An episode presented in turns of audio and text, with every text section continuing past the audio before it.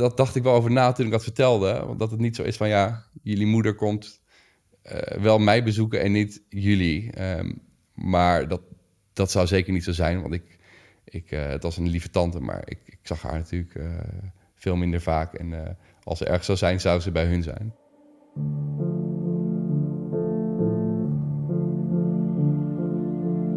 Een verschijning van geesten, vorige levens of bezoek van buitenaardse wezens. Vaak doen we het af als onzin, fantasie. Maar invloed heeft zo'n ervaring zeker. Er is iets vreemds gebeurd. Een ode aan het niet begrijpen.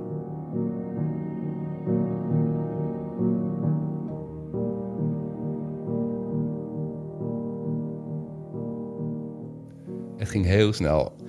Um, ja, ik denk echt binnen één, misschien wel binnen één seconde. Ze zeggen toch wel eens dat je, ook als je in een ongeluk zit of als je iets ziet, dat je dan uh, veel meer opslaat terwijl het in een hele korte tijd gebeurde.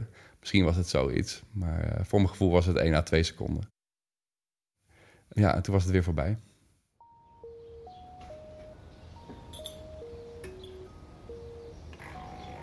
Dit speelde tien jaar geleden ongeveer. Op de eerste Atjijstraat. Waar ik toen met mijn vriendin nog woonde. We zaten tegenover elkaar aan een grote houten tafel. Het was voor mij een beetje eind van de middag. Het was, uh, het was nog licht buiten. Uh, mooi weer. Um, en mijn, uh, mijn tante was overleden. Um, voor mij was het twee dagen daarvoor dat we het nieuws kregen. En wij waren daarover aan het praten. Um, en we hadden het over de begrafenis. En opeens uit het niks was er een hele grote soort bliksemschicht. Een uh, grote flits in de woning. Alsof het dus buiten aan het, uh, aan het onweren was. Maar goed, het was geen donder, het was, het was gewoon licht buiten. Um, en eigenlijk meteen daarna ontstond er een, een, soort lichtgevende bal. Precies tussen ons in. De grootte van um, een mango. En hij gaf veel licht. En denk binnen een seconde. Ja, vloog hij echt weg. Hij ging dus opzij. Um, het niet dat we hem de hele kamer zagen doorvliegen. Maar ik denk dat hij een metertje opzij vloog. En je zag dus ook dat hij van vorm veranderde. Dus het werd een soort van uitgerekte bol toen hij dus wegvloog. Uh, met, meer met een soort van staartje eraan. En ik denk dat hij na een meter of twee meter loste die op. En wij keken elkaar aan en we dachten...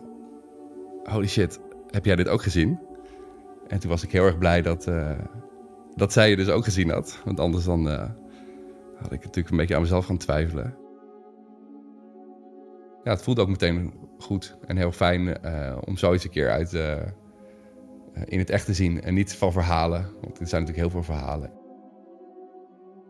als je het dus googelt, is het dus echt een, een heel erg bekend iets is het. Wanneer iemand sterft die ons dierbaar is, zien we vaak signalen die we als een laatste groet ervaren. Een vlinder die landt op een hand of een regenboog boven een begraafplaats. Maar soms zijn die tekenen zo bijzonder dat je je afvraagt: kan dit nog toeval zijn?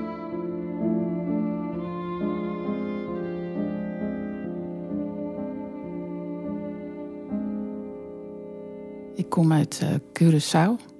Ik was 16 toen ik naar Nederland kwam. Als ik aan de Antillen denk, denk ik vooral aan mijn familie. Familie is heel belangrijk. En um, wij kwamen elke zondagavond kwamen we bij mijn grootouders. En uh, de kleintjes die holden dan uh, rondjes om het huis, door het huis, terwijl de ouderen aan het kletsen waren. En en dat is een huisje aan de andere kant van het eiland. Dat is dicht uh, bij het strand, dicht bij het water, op de rotsen. En dan sliepen we met alle neven en nichten op, uh, op het balkon. En dan die ene creatieve nicht van mij, die ging dan allerlei verhalen vertellen die ze gehoord had van de ouderen, van de anderen. En ze lagen we allemaal op een hoopje bij elkaar, omdat we echt doodsbenauwd waren voor die enge verhalen die, uh, die ze dan vertelde. Eén verhaal is uh, dat ze vertelde over een man die autopech kreeg op de weg naar Westpunt. De weg naar Westpunt is s'nachts aardedonker. En hij had er de pest in, want hij moet dan zijn auto uit. En in dat vreselijke duisternis moet hij dan uh, gaan duwen. En hij denkt, nou ja, ik moet wel. En hij stapt uit. En dan hoort hij ineens een stem achter zich terwijl hij aan het duwen is. Uh, zal ik je helpen duwen? En dan is er niemand achter hem. En het verhaal gaat dat hij dan in de auto springt en dat hij dan gewoon wegrijdt.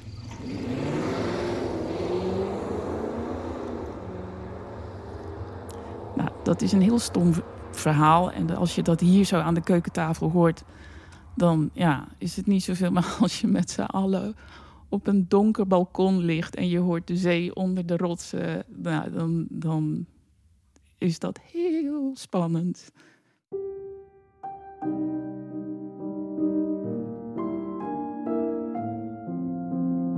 Tien jaar daarvoor heb ik een jaar in Suriname gewoond. Ik heb heel veel reizen gemaakt, ook in het binnenland. Ehm, en daar merkte ik al dat het veel normaler is in hun cultuur om hiermee bezig te zijn. Dus ik geloof ook vaak in de Winti-religie. Um, en dat gaat ook uit van energie um, of uh, dat je terugkeert als een dier.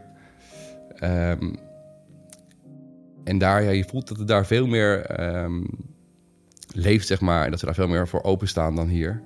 Wat dat betreft zijn de Nederlanders uh, een stuk nuchterder. Maar ik denk dat ik daar wel een beetje van heb meegekregen. Dus het verbaasde mij, verbaasde mij niks. Maar wat het was, dat vind ik wel lastig te duiden. het hoort erbij. Het is gewoon een deel van de cultuur. Het is niet, je bent wel bang, maar het is niet raar of zo. Dus niet omdat het onverklaarbaar is, uh, bestaat het niet of zo. Het is gewoon deel van, van de maatschappij. Mijn vader, die, die, hij vond dat wij ons uh, te druk maakten. En dat al die verschijningen, dat dat vooral bij, bij emotionele mensen voorkwam. En niet bij mensen die gewoon hard aan het werk waren. Mijn vader woonde in Frankrijk. In 2020 uh, overleed hij. En ik heb altijd gedacht dat omdat ze zo ver weg wonen, dat ik er niet zoveel last van zou hebben. Maar ik heb dat heel erg onderschat. Um, ik, ik miste hem gewoon heel erg. Ik stond altijd op het punt van, van huilen. Hij was eind mei was hij, uh, overleden. En ik ben uh, naar Frankrijk geweest om hem te begraven. En we zijn weer teruggekomen. En het leven ging gewoon door zoals het eigenlijk altijd doorging. Want hij speelde in principe geen rol in mijn dagelijks leven. Maar ik was constant met hem bezig. En ik had uh, gewoon heel erg verdriet. en um, in de zomer daar, die daarop volgde, in augustus, zijn we naar mijn moeder gegaan. En um, we waren in de keuken aan het ontbijten. En die keuken daar is gewoon afgesloten.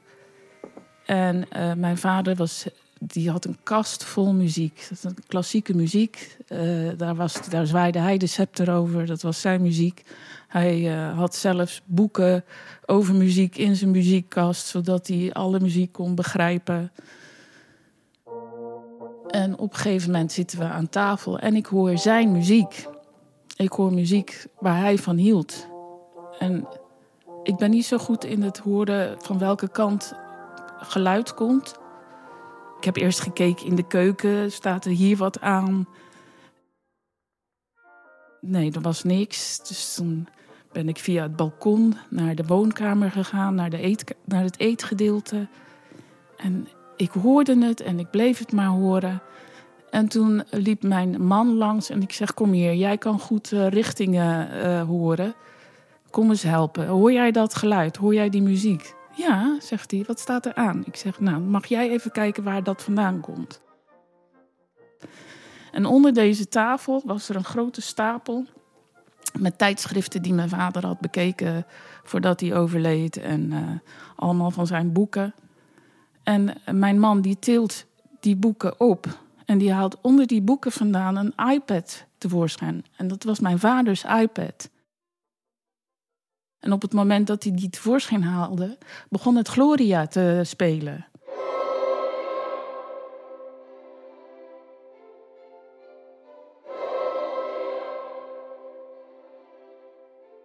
Mijn moeder weet niet wat de code van mijn vader was. Mijn moeder heeft ook niet veel verstand van iPads. Bovendien heeft die iPad uh, vanaf mei tot aan het moment waar we het over hebben, onder die stapel boeken gelegen. Die iPad, die kan niet uit zichzelf aangegaan zijn. Het zei ik, jeetje, dat, dat is mijn vader.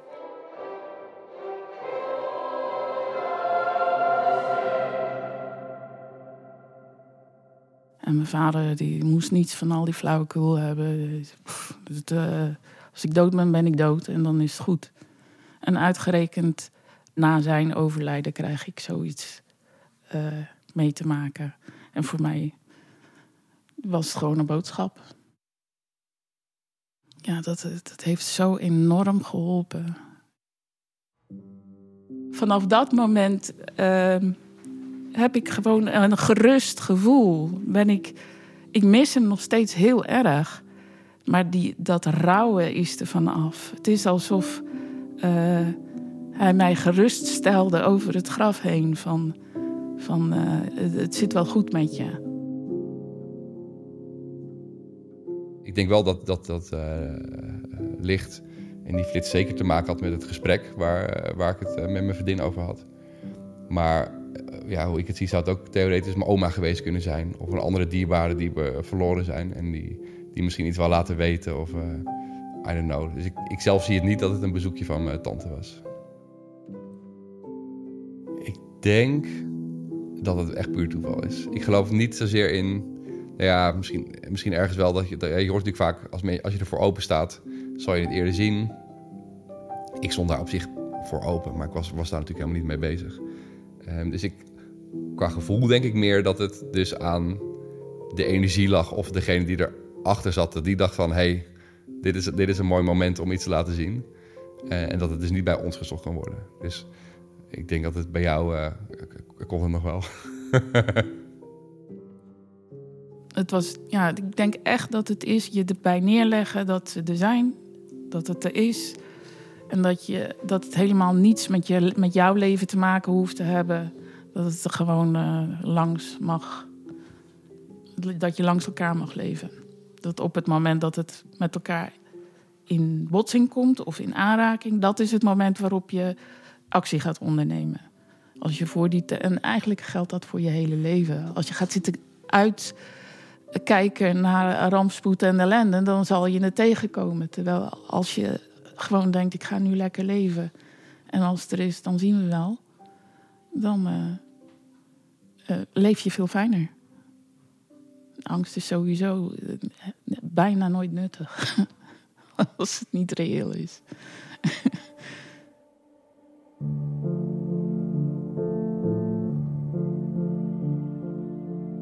Soms lijken de huizen waarin we wonen nog geen afscheid te hebben genomen van de vorige bewoner.